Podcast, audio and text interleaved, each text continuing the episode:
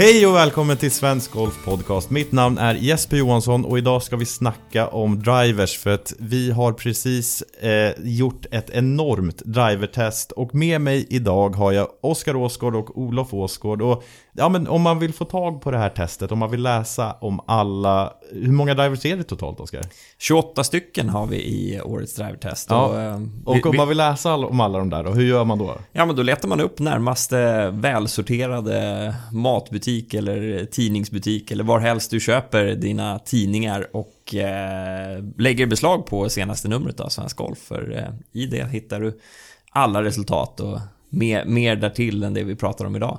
Det finns ju också ett annat sätt, kanske blir det svårt just till det här numret, men man kan ju också prenumerera på vår tidning. Ja men absolut, prenumeranterna har fått den här eh, i brevlådan förra veckan så att absolut, är man eh, nyfiken på mer av vad vi har att bjuda på i Svensk Golf så eh, kan man läsa mer om prenumeration på svenskgolf.se. Jag minns från min ungdom att det här var liksom nästan starten på säsongen. Men Det började klia i kroppen, så fick man liksom Svensk Golfs stora utrustningstest och så ringade jag in så här olika saker som jag var intresserad, extra intresserad av och så där. Så det är en fin stund på året när, när drivertestet kommer, eller utrustningstestet kommer. Eh, Olof, du har ju är ju en veteran när det kommer till utrustning. Berätta om hur testet i år har varit annorlunda jämfört med tidigare. Ja, eh, till att börja med så är väl jag miniveteran jämfört med Oskar. Ja, men du... du... Jag har gjort, eh, det här var sjätte gången jag var med om ett drivertest i svensk golf. Hur många har du gjort Oskar? Ja men jag tror att det var eh, 14 raka eller någonting i den här stilen så att eh, de, Ja. de, de modeller som, eh, som vi testade på den tiden de, eh, de, de minns man knappt. Okej, det, det är så pass länge sedan alltså. Ja, det var för, första gången jag var med, då var det faktiskt när eh, eh, Nike och Callaway hade sina fyrkantiga drivers. Ja, Kommer just dem? det. Ja, SQ, eller vad hette Exakt, Nike där? och Den där gul, silver, ja just det. eh, Ja, det var vilka, vilka, vilka tider det var. Då trodde man ju att det på något sätt eventuellt skulle vara framtiden. Men ja, det var en fluga. Hur, var- hur, var, hur var testresultaten på de eh, liksom, fyrkantiga driverhuvudena? Varför funkar det inte? Alltså, det jag minns allra starkast med dem, det var att de, de lät ju verkligen som att man slog med eh, kolaburkar. Alltså det var, det var ex, det burkigaste av burkiga ljud eh, i dem. Och hela grejen handlade ju om att bara maximera tröghetsmomentet, eh, MOI-värdet. Eh, och eh, de hade ju superhögt MOI-värde. Och det var ju en del, det, det finns ju de som, som har spelat vidare. Men jag undrar fasen om inte Eh, Fred Couples tror jag har en spon av den där Callaways fyrkantiga i bagen fortfarande, för han har inte hittat bättre. Men och då och då ser man ju de eh, modellerna kvar där ute. Men eh, Ja, de är legendariska. känslan är ju om man tittar idag också att så här, de erbjöd inte mer förlåtande egenskaper än vad dagens drivers gör i en form som inte var så tilltalande för ögat och definitivt inte för örat. Nej, men jag skulle kunna tänka mig en... Med, med dagens te- teknik, en kvadratisk eller en fyrkantig driver, eh, om den är förlåtande, ja det, det är väl okej. Men det var inte det vi skulle prata om. Eh, berätta om, om testet Olof som har gjorts i år. För tidigare har vi varit i Spanien, men det var ju tufft i år. Ja, eh, det är ju så att vi kan ju inte åka iväg under rådande omständigheter i världen. För tidigare har vi alltid varit på varmare breddgrader och tagit ner vår panel och slagit utomhus från gräs och ja, haft det lite varmare än vad vi har här uppe utomhus. Så, och att stå här eh, i Sverige på någon kall ranch, det kände vi att det skulle inte ge någonting. Så vi flyttade in. Och i det här fallet hos Dormy i Darka, Barkarby. Ja. Och där stoppade vi in 11 varma spelare som fick stå och slå sig väldigt trötta. Med 28 drivers. Och varenda, men det som är skillnaden från att när vi har varit i Spanien det är att vi har varenda slag som har slagits har fångats av Trackman 4. Just det. Och det är unikt för våra tester i alla fall. Mm. Ja, vi kan ju passa på, vi ett stort tack till Dormy för att de släppte in oss i, sin, eh, i, i sitt testcenter. Men det, det, det är ju verkligen just det att vi har data på varje slag och att vi visste att vi skulle kunna få ut resultat som gjorde att okej, okay, vad är det vi inte har gjort? Ja, vi har inte sett bollflykten utomhus. Kommer det göra att eh, det här testet inte går att genomföra? Och, och, svaret var ju absolut efter att ha gjort det, absolut inte. För att eh, ja, så mycket data som vi fick med oss hem och dessutom med den teknologi som, som finns idag så går det ju det går ju verkligen att prova ut en driver på, på bästa sätt inomhus. Mm. Det finns några fördelar till och med skulle jag säga. Ja, berätta. Nej men jag tycker att man Ja men som vi var inne på lite här temperaturmässigt. All, alla är inne i eh, 22 eh, behagliga grader eh, i, i, eh, i testcentret i Dormis varuhus. Du behöver liksom inte eh, bry dig så mycket om eh, eh, några problem i det avseendet. Dessutom så slår du på riktigt bra bollar. Mm. Eh, och eh, så på något sätt tycker jag också att utomhus så blir det väldigt mycket att man man reagerar väldigt mycket på det senaste slaget man slog. Eh, jag tycker att det fanns en möjlighet, får säga vad du tycker här Olof, för det var ju vi som alternerade där och stod med testdeltagarna, men att man, man bara fokar på att slå ett bra slag. Och sen får man se vad det blir för värden och man kan ju mm. stänga av så man inte ser värden. Det, det, det är lite lättare utomhus att man försöker mm. kanske anpassa sig efter vad man ser hela tiden, hur man slår slaget och då så här anpassar man nästa slag efter det. Här blir det nästan lite mer rättvist i det avseendet att du bara ställer dig med en klubba, försöker slå den så bra som möjligt och sen får du se vad den gav för värden mm. ungefär. Ja, jag förstår. Ett slag i taget kan man säga att det har varit nu inomhus precis som du säger, att det, du är helt nollställd.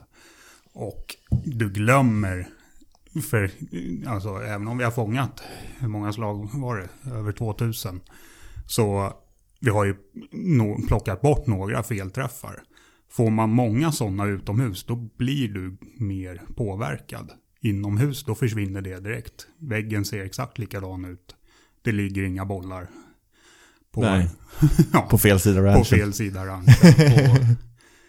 Nej. Och det tror jag har... Ja, men jag kan också tänka mig att, förlåt, jag kan också tänka mig att det blir så att man, eh, även om du gör ett dåligt slag så får du data på alla du har slagit med samma klubbhuvud så du får en mer, vad ska man säga, en mer rättvis bild av hur det egentligen är. Men om du står på ranchen och så slår du ett slag som är inte speciellt bra som sista, då blir det en tråkig ton in i bedömningen sen liksom. Ja, men det tycker jag är en ganska viktig punkt. Det kanske vi återkommer till senare, men just det här. En av de viktigaste grejerna som det, det, är lätt att säga, men för mig har det verkligen gått upp över tid när man har gjort det här drivertestet i många år. Att det bygger ju på när du ska välja ut en driver som passar dig. Du måste titta på snittet. Mm. För det är så väldigt lätt och som, precis som du säger där, du får en dålig vibb av en viss klubba av något skäl. Eller tvärtom, du får en riktig pärla med någon klubba och så tänker du att nej, men det här är den, men det är inte säkert att det är den bästa där. Ja. Nej, så att, eh, Såklart. Men okej, men eh, vi har gått igenom lite då hur testet genomförs. Det var, genomfördes. Det var på Dormy Barkarby med en Trackman 4. Vad är det man får ut för typ av data med en sån maskin som eh, har liksom kunnat komma in i testet som man har gjort ett test så av? Det, eller ska säga. Den, den, mäter ju, vi, vi, konstaterade att vi fick lite över 55 000 datapunkter för den mäter ju eh, är det ungefär 30 värden tror jag den plockar hem eh, per, eh, ja. per slag som slås. Sen får man ju förstås koka ner det till vad som är mest intressant att titta på. Vi tittar på, på slaglängd, carry, totallängd såklart. Vi tittar på spin, vi tittar på utgångsvinkel. Eh, vi tittar på spridningen, eh, träffbilden Också väldigt intressant att, få med hjälp av den och se var på klubbhuvudet man träffar helt enkelt. Mm. Det kan hjälpa till att dra lite slutsatser kring vissa resultat. Um, och sen så, ja Olof du kan ju förklara hur betygs, eh, betygssättningen går till för vi, alla de här är ju betygsatta av 11, 11 panelister. Ja, eh, och det första man ber deltagaren att kolla på är ju såklart utseendet. Mm. Och då är det inte hur den ser ut i vägen. Utan när de sätter ner den vid bollen och bara det utseendet, hur det tilltalar eller tvärtom, mm. inte tilltalar deltagaren. Så får de sätta betyg 1 till 10 mm. i utseende. Sen får de börja slå lite och då är det två saker vi vill att de ska tänka på. Dels är det hur känns det? Hur låter det? Och på något sätt försöka ge ett träffkänsla-betyg. 1 mm. 10 på det. Och sen tillsammans med antingen mig eller Oskar som sitter bakom så ska vi sen försöka lista ut tillsammans med deltagaren vad de tycker hur förlåtande respektive driver är. Just det. För det är lite svårt och det var en sak som var lite svårare inomhus än vad det har varit tidigare när vi har kört utomhus. Att ge en bild av hur förlåtande ett klubbhuvud är. Och förlåtande, det kan man kort säga är om jag känner att jag svingar dåligt, alternativt träffar dåligt. Vad händer med bollen? Mm. Blev det, ja, det blev ganska bra ändå. Eller blev det jättedåligt? Just det. Och där... Hur mycket hjälp får jag? Ja, hur mycket hjälp får jag med längd, höjd? Spridning kanske? Ja, spridning i viss mån. Mm. Och då kan man säga så här att träffar du riktigt dåligt, svingar riktigt dåligt, då finns det ingen driver som kan hjälpa dig. Ja, det är tråkigt att höra för mig. Men... Ja. men missar du lite grann så finns det absolut skillnader. Vissa är sämre på att ge hjälpen. Ja, det är så? Ja. ja. Är det någon som är lika förlåtande som de kvadratiska drivers från 14 år sedan? Eller vad, eller vad det var? Mycket mer än så. Ja, my mycket mer än så. Jag tror de tog bort den, den där formen för att de insåg att den var nog helt onödig. Ja, ja okej. Okay. Antar jag. Ja, antingen. Ant ja, precis. Eller att den var så fruktansvärd att titta på. Lågt eh, utseendebetyg kanske. Ja. Men det låter ju lite som att det här är ett sätt man själv kan bedöma när man väl ska köpa en driver. Eh, för att, hur, ja men om så här, hur, hur ska man göra för, om jag ska köpa en driver i år, hur ska jag använda Svensk Golfs driver-test innan jag gör min utprovning liksom? Ja, hur, hur, vill, hur vill vi att det används? Ja, men jag, jag tycker att det är ett rätt bra sätt att se på det som att här har du en, eh, en guide till det som finns på marknaden. Det är ju både det är egentligen det du hittar där ute idag. Det är både nya modeller för år och de fjolårsmodeller som lever kvar. Och jag hade nog börjat med att bläddra igenom och, och, och, och titta. Kanske är det så att du direkt vet att nej, men de här klubborna gillar jag inte utseendet på. Nej, men okej, då sorterar du bort dem direkt. Och sen kan du i under de rubriker vi har med där det står till exempel för vem börja lista ut lite eh, vem som skulle kunna gilla de här modellerna. Du kan också titta på eh, panelens favoriter som vi redovisade. Där de fått tala om vilka, varje, varje paneldeltagare har talat om vilka deras tre favoriter var. Och då kanske du hittar någon av paneldeltagarna som du känner att du är ganska lik sett till till exempel svinghastighet. Vilket mm. vi, vi, det står ju vad de har för handikapp också. Men är det någonting jag tycker man ska titta mer på i det avseendet så är det ju svinghastighet. För det har större påverkan på vilken driver du kommer välja än handikapp. Men det är klart, träffbild som Olof var inne på nyss kommer ju också in i den här ekvationen. Och, och där finns det ju också lite skillnader. Och, och, den typen av grejer kan du ju utläsa i testet till exempel. Vilka är mer eller mindre förlåtande? Mm. Och ska vi göra det väldigt enkelt där så så är det ju de modeller som har en tyngdpunkt som ligger lite längre fram i huvudet som kommer vara lite mindre förlåtande. De kommer ge mindre spinn eh, vilket kommer gynna en del spelare för de kan slå dem längre och få ut en del men de kommer också bli eh, lite mer svårkontrollerade för att göra det väldigt enkelt mm. om, vi inte, om vi inte går in på eh, nördiga detaljer i det. Men, så den typen av eh, Eh, grejer kan du utläsa och sen också se då vad, vad, vad vi helt enkelt ger dem för, för, för betyg och, och för omdömen. Eh, så, så tror jag att det kan bli ganska bra grund och då kanske du hittar tre, fyra kandidater. Just det. Av de här 28 så är det 3-4 som du blir lite extra nyfiken på och så är det de man kanske testar då. Ja, för är det någonting vi alltid säger, då är det att du kan inte köpa en driver utan att testa den. För vi... Nej, berätta lite, just det här är intressant. Berätta lite om skillnaderna mellan drivers. Alltså dels de som säljs i butik, för att alla liksom panelister Älskar ordet panelist för övrigt. Eh, det skiljer ju liksom från längsta och kortaste drive hur långt de flyger. Men också jämfört med de drivers de hade sen innan ju. Eh, kan du berätta lite Olof, hur mycket, hur mycket kan det skilja liksom? Eh, ja, eh, har man en eh, jättegammal driver så kan man nog från början konstatera att innan man ens har slagit ett slag. Vi kommer hitta en driver som går mycket längre. Mm. Om jättegammal då, den äldsta vi hade i Det- årets panel var från 2004 tror jag. Ja, Eh, Så den är, ja. uråldrig. Och där hittade vi hur många meter? 16 meter skilde mellan den och den som den testpersonen slog längst med. Ja. ja, det är ändå 16 meter. Det ganska mycket. Ja, men det kan ju Å vara... andra sidan låter ju inte så mycket på, ja i och för sig det beror lite på procentuellt kanske var jättemycket. Det vet jag inte. Men, men um, okej, men uh, mellan moderna, eller liksom de drivers som finns i butik då, kunde det varit 16 meter skillnad där också mellan olika modeller? Alltså i snitt så hade vi eh, 22,8 meter skilde det för eh, paneldeltagarna mellan den de slog bäst och sämst med. 22,8 meter. Och, och det där tar jag alltid fram som ett mått på för mig säger det bara hur viktigt det är att du faktiskt testar för att hitta rätt. För det kommer ju vara skillnader. Eh, vi, vi försöker ju till den bästa möjliga mån att hitta tendenser. Och, och vi har ju trots allt ett underlag då från 11 spelare av väldigt varierande eh, spelstyrka och eh, svinghastighet och så vidare. Men det kommer, det kommer ändå, det kommer vara stora skillnader så att ja, du behöver ju eh, du behöver lägga lite tid för att vara helt säker på att du, att du investerar rätt när du köper en ny driver. Ja, men med vårt test kanske man kapar lite av den där tiden då. Förhoppningsvis. Det är tanken.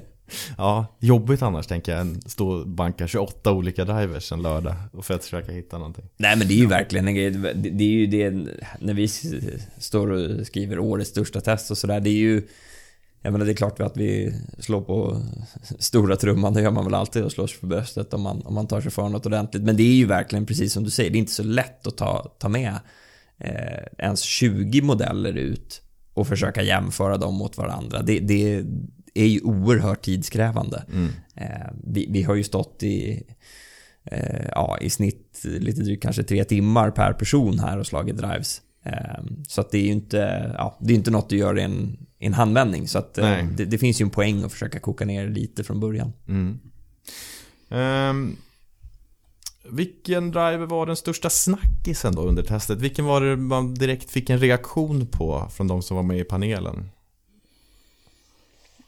Ja, eh, direkt reaktion skulle jag nog säga är den nya Epic-serien från Callaway. Ja. Det, den var folk väldigt nyfikna på att se vad den gick för. Ja.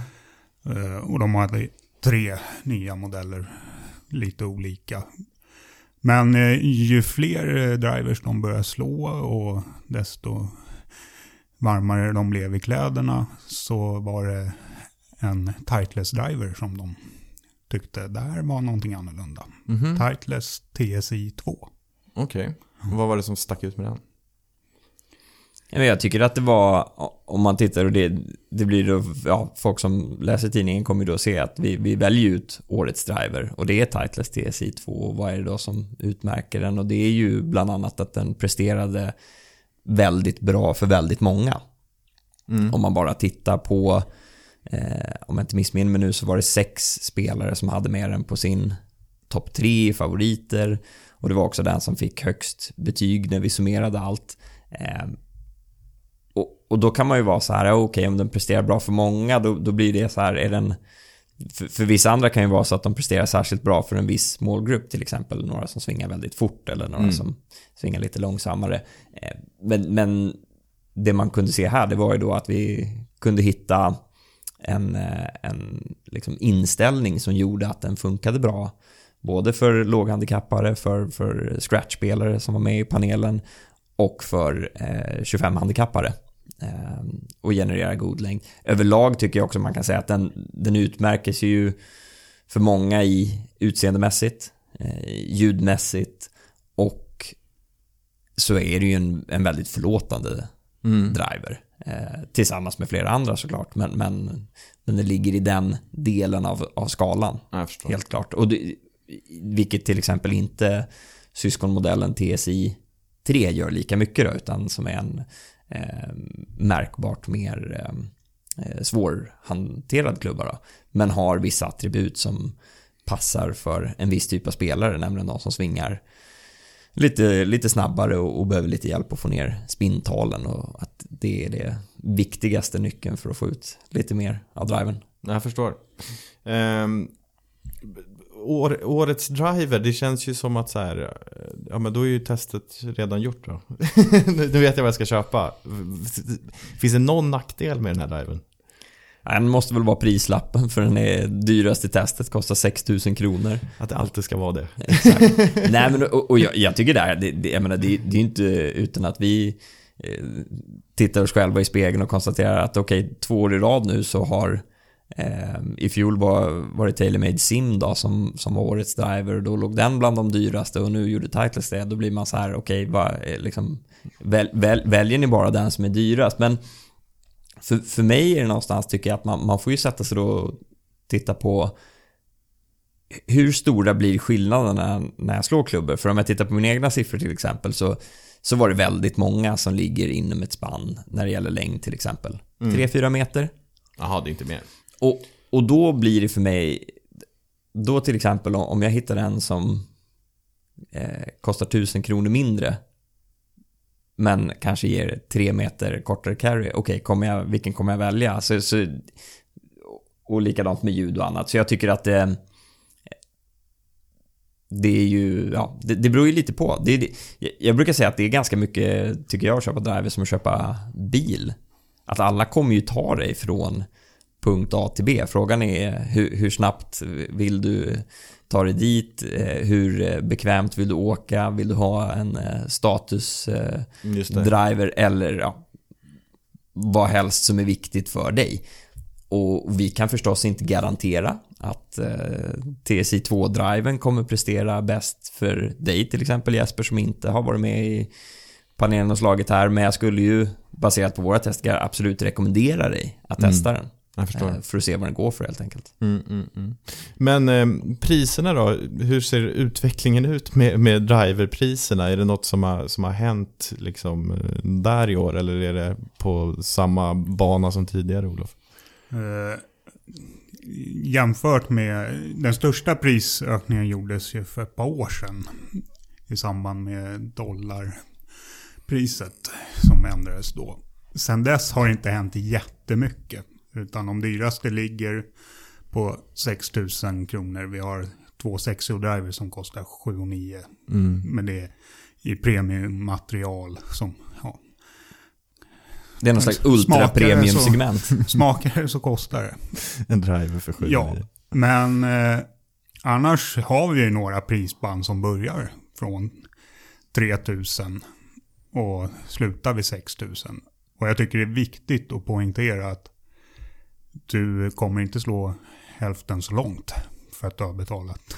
Nej, det, går att hitta drivers för en billigare Ja, peng alltså, som också presterar. Och även om de som kostar runt ja, 3000 kronor. De i våra tester når inte riktigt hela vägen. eh, När man tittar på alla i panelen. Upp till de som kostar från 5000 och upp till. Mm. Men skillnaden är inte, ja, de är inte långt ifrån. Nej, det är så. Det du kommer ha en bra driver om du har någon av dem. Det det är förstås, ja, vi har ju pratat jättemycket om det, att det är individuellt och att vissa modeller är bättre för vissa spelare. Men finns det någon modell som stack ut i prisvärdhet då? Kan man säga någonting sånt? Mm. Fjolårets Callaway Driver som är med i årets test igen eftersom den Fortfarande finns i butik, ja. fortfarande finns i butik. Och det är Maverick. Callaway Maverick. Just det.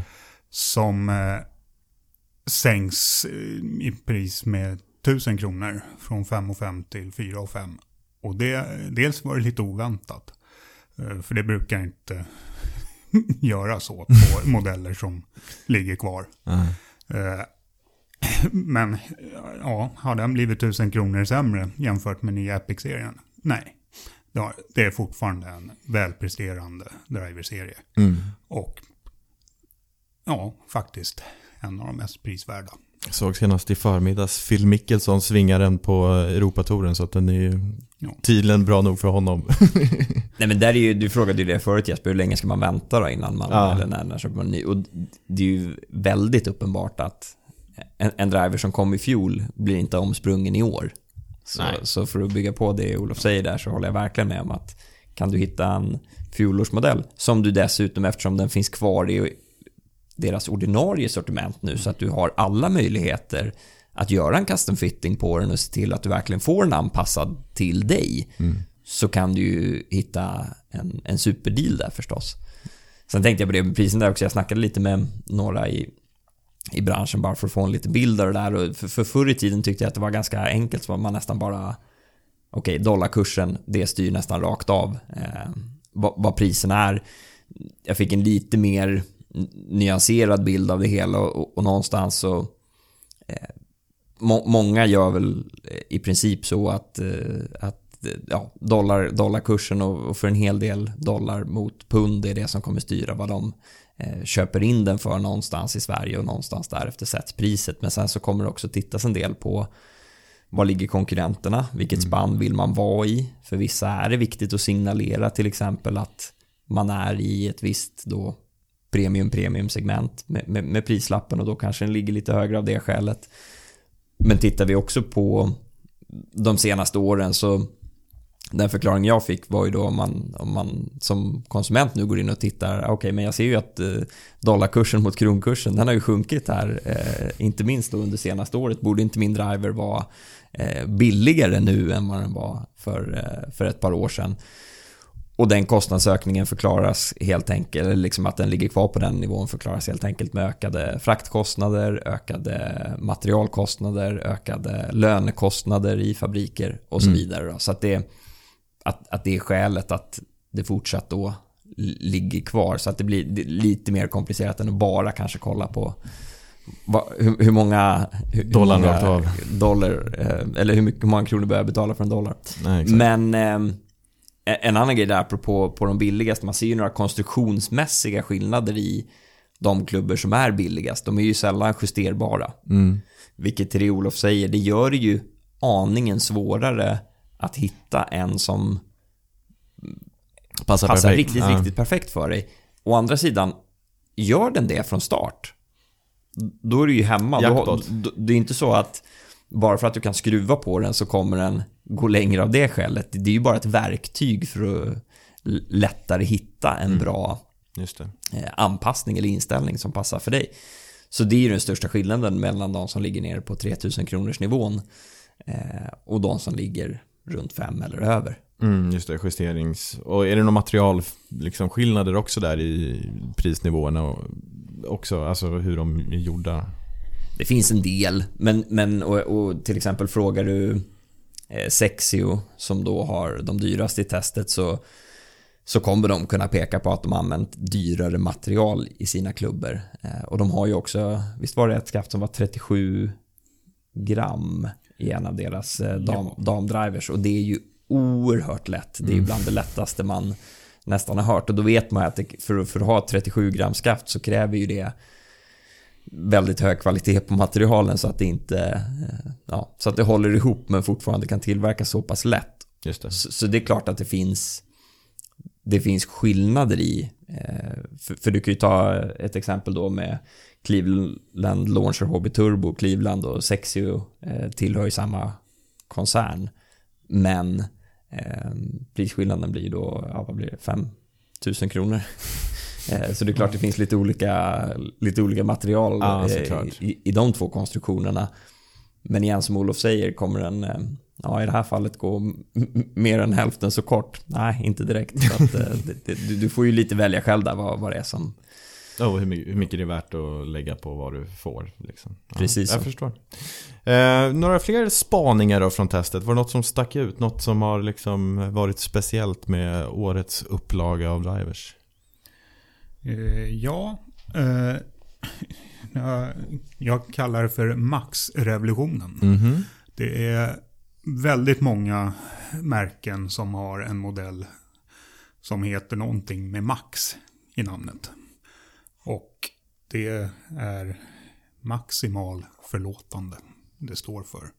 Och det är tydligt att all, i stort sett alla tillverkare har en sån modell. Och det är den de vill att alla spelare ska använda sig av.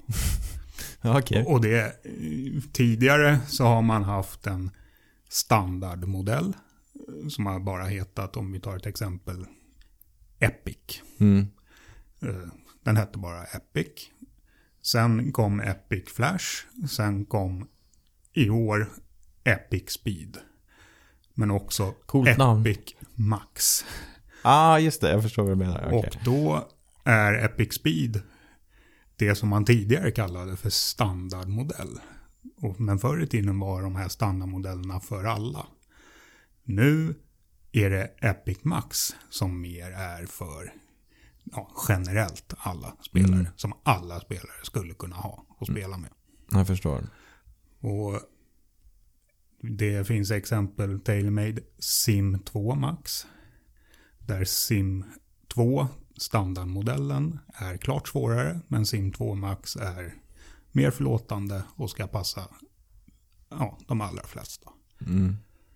Och det här eh, inled, inleddes redan för ett par år sedan. Där att, men det som vi har märkt i årets test det är att de som bär själva titelnamnet Sim 2. De har blivit lite svårare Mm. än tidigare år. Okej. Det känns som att spridningen på något sätt är lite större inom varje driver-familj och modellserie. Om du backar några år så kändes det ju som att om jag ska leta efter en riktigt förlåtande driver, jo men jag går till Ping till exempel som, som har skaffat sig ett, ett, ett rykte om att göra väldigt förlåtande drivers. Men okej, om jag är en spelare som ändå vill jag vill ha en förlåtande driver men jag kanske vill ha lite lägre spin till exempel och det är grejer som blir nästan lite lite motsatt förhållande i det läget. Eh, så ser man ju även där då att de har ju försökt stretcha skillnaden då eh, så att det är större skillnad mellan deras då lågspinsmodell som heter LST och den vanliga modellen som heter eh, G425 Max. Max. Precis. Ja, men för, samtidigt ser man i den andra änden av spektrat de extremt lågspinnande drivers är i stort sett borta nu. Mhm. Eh, Om vi kan, om vi kan ta Calways Sub-Zero-modeller. Som var eh, ja, i stort sett bara för de allra, allra duktigaste. Med hög svinghastighet och perfekt bollträff. Eh, några sådana har, ser vi inte i större utsträckning längre. De är på väg bort. Okej. Är Lite konstigt, tänker jag. Men, Men- men jag tror finns det är inte det segmentet kvar av Jo, spelare? Jo då. Absolut, Absolut. men, men, men det, det du ser det är till exempel om man, om man backar några år så var ju på något sätt det, det hetaste som fanns där ute det var låg spin och i bräschen för det eh, får man nog nästan säga att det var TaylorMade som gick när de släppte sin slider och pratade om att du skulle ha om jag minns det rätt, eh, 17 graders eh, launchvinkel och 1700 varv i spin för att uppnå den eh, optimala kombinationen. Och det är ju ändå tydligt på ett företag då som TaylorMade till exempel att de har ju faktiskt dragit sin, om vi ska bli lite nördigare här, tyngdpunkt längre bak i huvudet vilket då gör driven lite mer förlåtande, lite mer hanterbar det här är en utveckling som har skett över ett par år då. då. Medan det Olof pratar om där med de här verkligen utpräglade lågspinsmodellerna. Du hittar ju fortfarande ett par, jag menar en sån som stack ut i, i vårt test i år, det är, det är Cobras Rad Speed som har en vikt i sulan också som du kan sätta i två lägen och sätter du den i det främre läget för egen del och för ett par andra i, i panelen så märkte man att det här är en av de drivers som är för, förmodligen den eh, bästa spindödan du kan hitta där ute om det nu är det recept eh, som ger dig riktigt långa drivar. Just det. Men jag skulle ju rekommendera att slår du, slår du riktigt hårt på bollen och behöver sänka spintalen ska du definitivt kolla in en driver som, eh, som Cobra Radspeed mm. och, och se vad den kan göra för att kapa dina spintal. För det var, det var tydligt. Um, och i det facket hittar du ju också Callaway Epic Speed, um, TaylorMade Sim 2 ligger också där i, i, i, nedre delen av skalan när det gäller uh, spintal överlag. Mm. Vilket förstås är en viktig parameter, men det, det är viktigt att förstå där att det kändes som att för några år sedan var det nästan som att alla var säkra på att lite spin, det är det som kommer ge mig eh, längre drivar och så är det definitivt inte. Sen kan det vara väldigt viktigt för en hel del, men, men inte för alla. Nej, det finns väl ganska många lösa delar som det beror på, om det är värt det eller inte så att säga. Så är det. Mm. Eh, något annat då? Någon annan spaning? Det är mycket revolutioner här. Ja, eh, nej, men det... När vi har stått inomhus och fått varenda slag fångat av trackman så det är lätt för den som inte står och slår, i det här fallet jag, att snöa in på parametrar i, den, i datavärlden. Och det jag har fastnat mest för det är hur mycket bollträffen betyder för mm. alla. Eh, man kan säga, träffar du mitt i hela tiden, då kommer i stort sett alla drivers gå ungefär lika bra.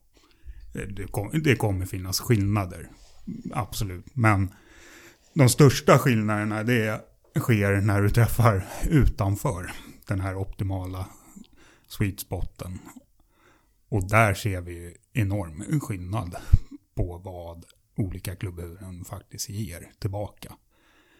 Ja, Oskar pratade om Ping G425 Max. Där det är så här, ja, det träffar man häl, tå, ja, det spelar ing, egentligen ingen roll. De går ungefär lika långt ändå. Mm. Eh, sen när du träffar mitten kommer det gå längre förstås. Men det är också enormt tydligt att se att bollträffen är fortfarande det som kommer ge dig längd. Mm. Just det. Det, är, det finns inga genvägar. Det finns inga genvägar. Typiskt. Eller det är ju det de här förlåtande modellerna ger dig. Ja, en genväg. Ja, det är just det. Det är kanske är precis det som finns då. ja, men det där skulle jag också säga att när du testar ut driver så, så var noggrann med, och, och, det här är ju enkelt, går du till någon som gör en custom fitting med dig, då vet de om det här och så ser de till att välja en klubba som du får bra träffbild med. Mm. Men underskatta inte att hitta en driver som du märker att du konsekvent kan träffa på ett bra ställe.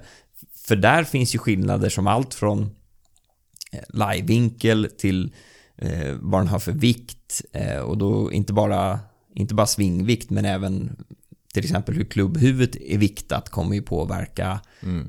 hur din bollträff hamnar på träffytan. Så, så försöka, och där finns det ju lite olika grejer som en, en um, fitting-specialist kan laborera med. Du kan göra skaftet lite kortare till exempel. Eh, du, du, kan ändra livevinkeln. Eh, du kan ändra viktningen i huvudet. Eh, du kan testa med ett annat skaft som kanske väger mer eller mindre. Det kanske ger hela klubban en annan svingvikt, balanspunkt kan man kalla det också. Alla de här små, små detaljerna för att se till att du till slut har en driver som du verkligen träffar mitt i. För precis som Olof säger, det blir, det blir ganska tydligt att om du ja, träffar du alla exakt likadant och till exempel sätter in dem i en svingrobot eh, någonstans kommer ju skillnader eh, bli lite mindre än när du börjar sprida den där träffbilden över hela träffytan och då kommer det finnas vissa modeller som passar bättre eller sämre för dig helt enkelt. Mm. Just det. Eh, när man står inför att köpa en driver och vilka är de klassiska fällorna man hamnar i? Vi har, gått, pratat, vi har snuddat vid det, att man kanske till exempel bara ser de bästa träffarna och går utifrån dem.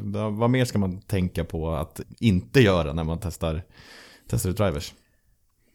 en, en grej som jag alltid på något sätt fastnar vid, det är att gå, gå inte in i det och vet Vad om ha. vad du ska ha. Mm. För att gör du det så är det väldigt stor risk att du inte, du har inte ett öppet sinne för om det visar sig, om du tror att du ska ha 9 grader i loft och någon säger att men vet du vad, jag har ett huvud här som är 10,5 och ställer vi upp det till 11 grader eh, så, så gör det att huvudet blir lite mer stängt och det ger faktiskt dig den perfekta bladvinkeln i träffen och titta här på datorn, det ger den bästa resultaten. Och så Det känner du, men jag ska ju ha magen." 9,5 och så känns det inte riktigt bra och då går du inte därifrån med den driven heller.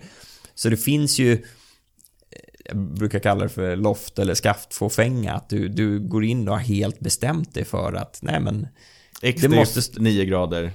precis så. Och, det, och där, där blir också så här med skaft, ja som sagt, vad är det, 14 år då som har gjort det här. Alltså jag märker, jag tillhör de som tycker att eh, skaftfrågan kan vara lite överdriven sett till vad man tror att skaftet ska kunna göra för skillnad.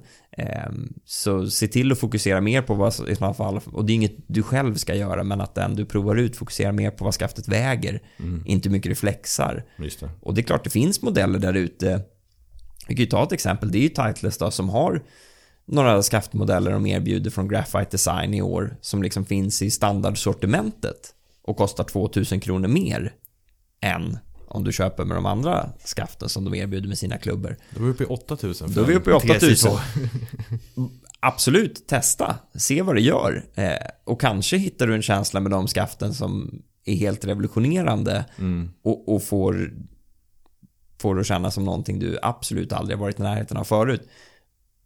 Men jag ser ingenting i våra resultat genom åren och när vi har gjort särskilda tester med det här som kan garantera att om du väljer ett dyrare skaft så kommer du slå x antal meter längre. Jag tror det, det är en ehm, det är en hallucination. eh, Men man kommer ju närmare In- toren i känslan. Så är det verkligen. De är ju snygga. Torigt är det. Torigt är det. Ehm, ja, okej, men ehm, eh, jag, eh, lite personliga nyheter här då. Min slice lär inte ha försvunnit under vintern. Jag har inte tränat en enda gång. Så att den lär ju som ett brev på posten komma där när, när säsongen börjar. Hoppet lever om att den är borta, men Ja, ja, absolut. Jag har ju läst på hur jag ska bli av med den. Så att snart så är den ju borta liksom. Rent mentalt är den borta. mentalt har du tränat in ett svingspår Ja, ja. inifrån och ut. Absolut, absolut. Eh, men eh, hur... Finns det någonting som hjälper mig mot det här då? Slicen. Jag vill eh, bli av med den. Nej. Tyvärr är det enkla svaret. Finns det något som stävjar lite då? Minskar slicen? Ja. Eh, slice, eh, det finns ingen klubba faktiskt som kan helt ta bort din slice. Det får du lösa med tekniken. Men det finns eh, absolut sådana som stävjar. Och med stävjar menar jag eh, hamnar inte lika mycket i ditt fall åt höger. utan lite mer åt vänster. Nej. Och där eh, gör ju i stort sett alla tillverkare framsteg med sina så kallade drå-viktade och drå-drivers. Och vad innebär det då? Är det att vikten är runt, runt hälen så att den ska stänga snabbare? Ja, de sätter vikt nära hälen och skaftet och det hjälper då till att stänga till klubbhuvudet när du svingar ner. Och det här har, när de sätter vikten där så riskerar de att förändra MOI-talet. Alltså att göra, då blir den inte lika förlåtande, klubbhuvudet. Och, men nu, de här, de blir ju bättre och bättre. Mm. Och det här är faktiskt i ett så, sånt segment där de fortfarande kommer kunna göra mer och mer och mer. Mm, okej. Eh, känns det som. För när vi ställer de här, vi kan ta ex, ett exempel, Tailmade Sim Max, Sim 2 Max heter den, och Mm. Sim 2 Max D. Och då är den här, här D är draw. Mm. Eh, så ser vi enorma skillnader. Och med enorma, då menar jag att när du slår ihop alla och drar ett genomsnitt så ligger de som har en slice-tendens i sin sving så presterar de bättre med D-modellen. Dels i riktning, men också i längd. Ja, det är så. Eftersom när, de, när den rätas ut, bollbanan, då, då kommer den flyga lite längre. Just det. Den är lika länge i luften men lite rakare riktning kanske. Jajamän. Ja, så länge kan jag väl försöka hitta en bana som går i högervarv då. Någon slags dogleg höger i 18 hål. Det är väl en lösning annars på, på mitt problem. Ehm, jag tänker att vi, vi ska väl börja avsluta här nu. Ehm, och jag tänker att ni ska få varsitt presentkort på valfri driver. Kanske då på Ba- Dormy Barkarby som tack för att vi fick vara där. Ehm, vi börjar med dig Oskar, vilken väljer du? Ja, jag har ju gått ut med i, i, i, i testet här vilka, vilka mina tre favoriter var.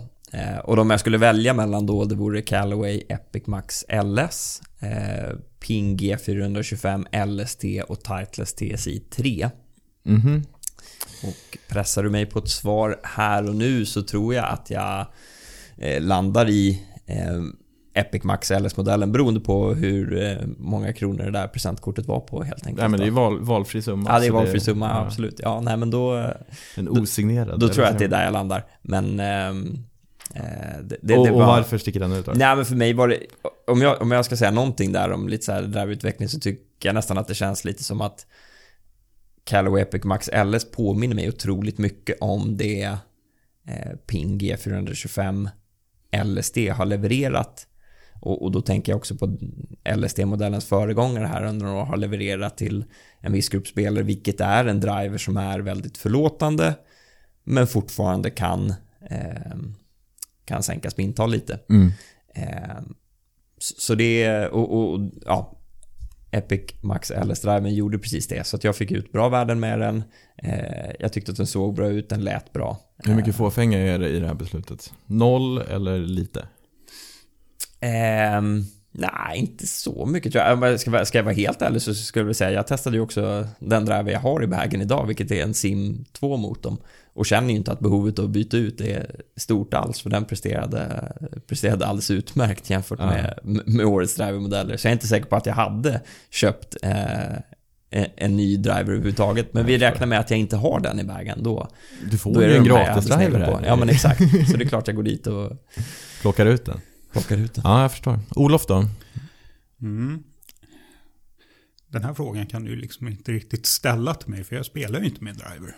Nej, just det. Du har inte slagit Så- en enda i årets test. Nej, jag, det hade varit konstigt om jag var med i det här testet, för jag spelar ju inte med driver. Men, eh, så jag får väl plocka ut en och dina vägnar. Ja, tack gärna. Och, Vad snällt. ja, och då skulle jag välja för din slice. Ping G425 SFT. Okej. Den gav bäst resultat. Jag gissar att det var några av de här elva i panelen som hade lite höger-tendenser som högerspelare. Ja, och den... Eh, dels var det många av de slicerna som uppskattade SFD-modellen.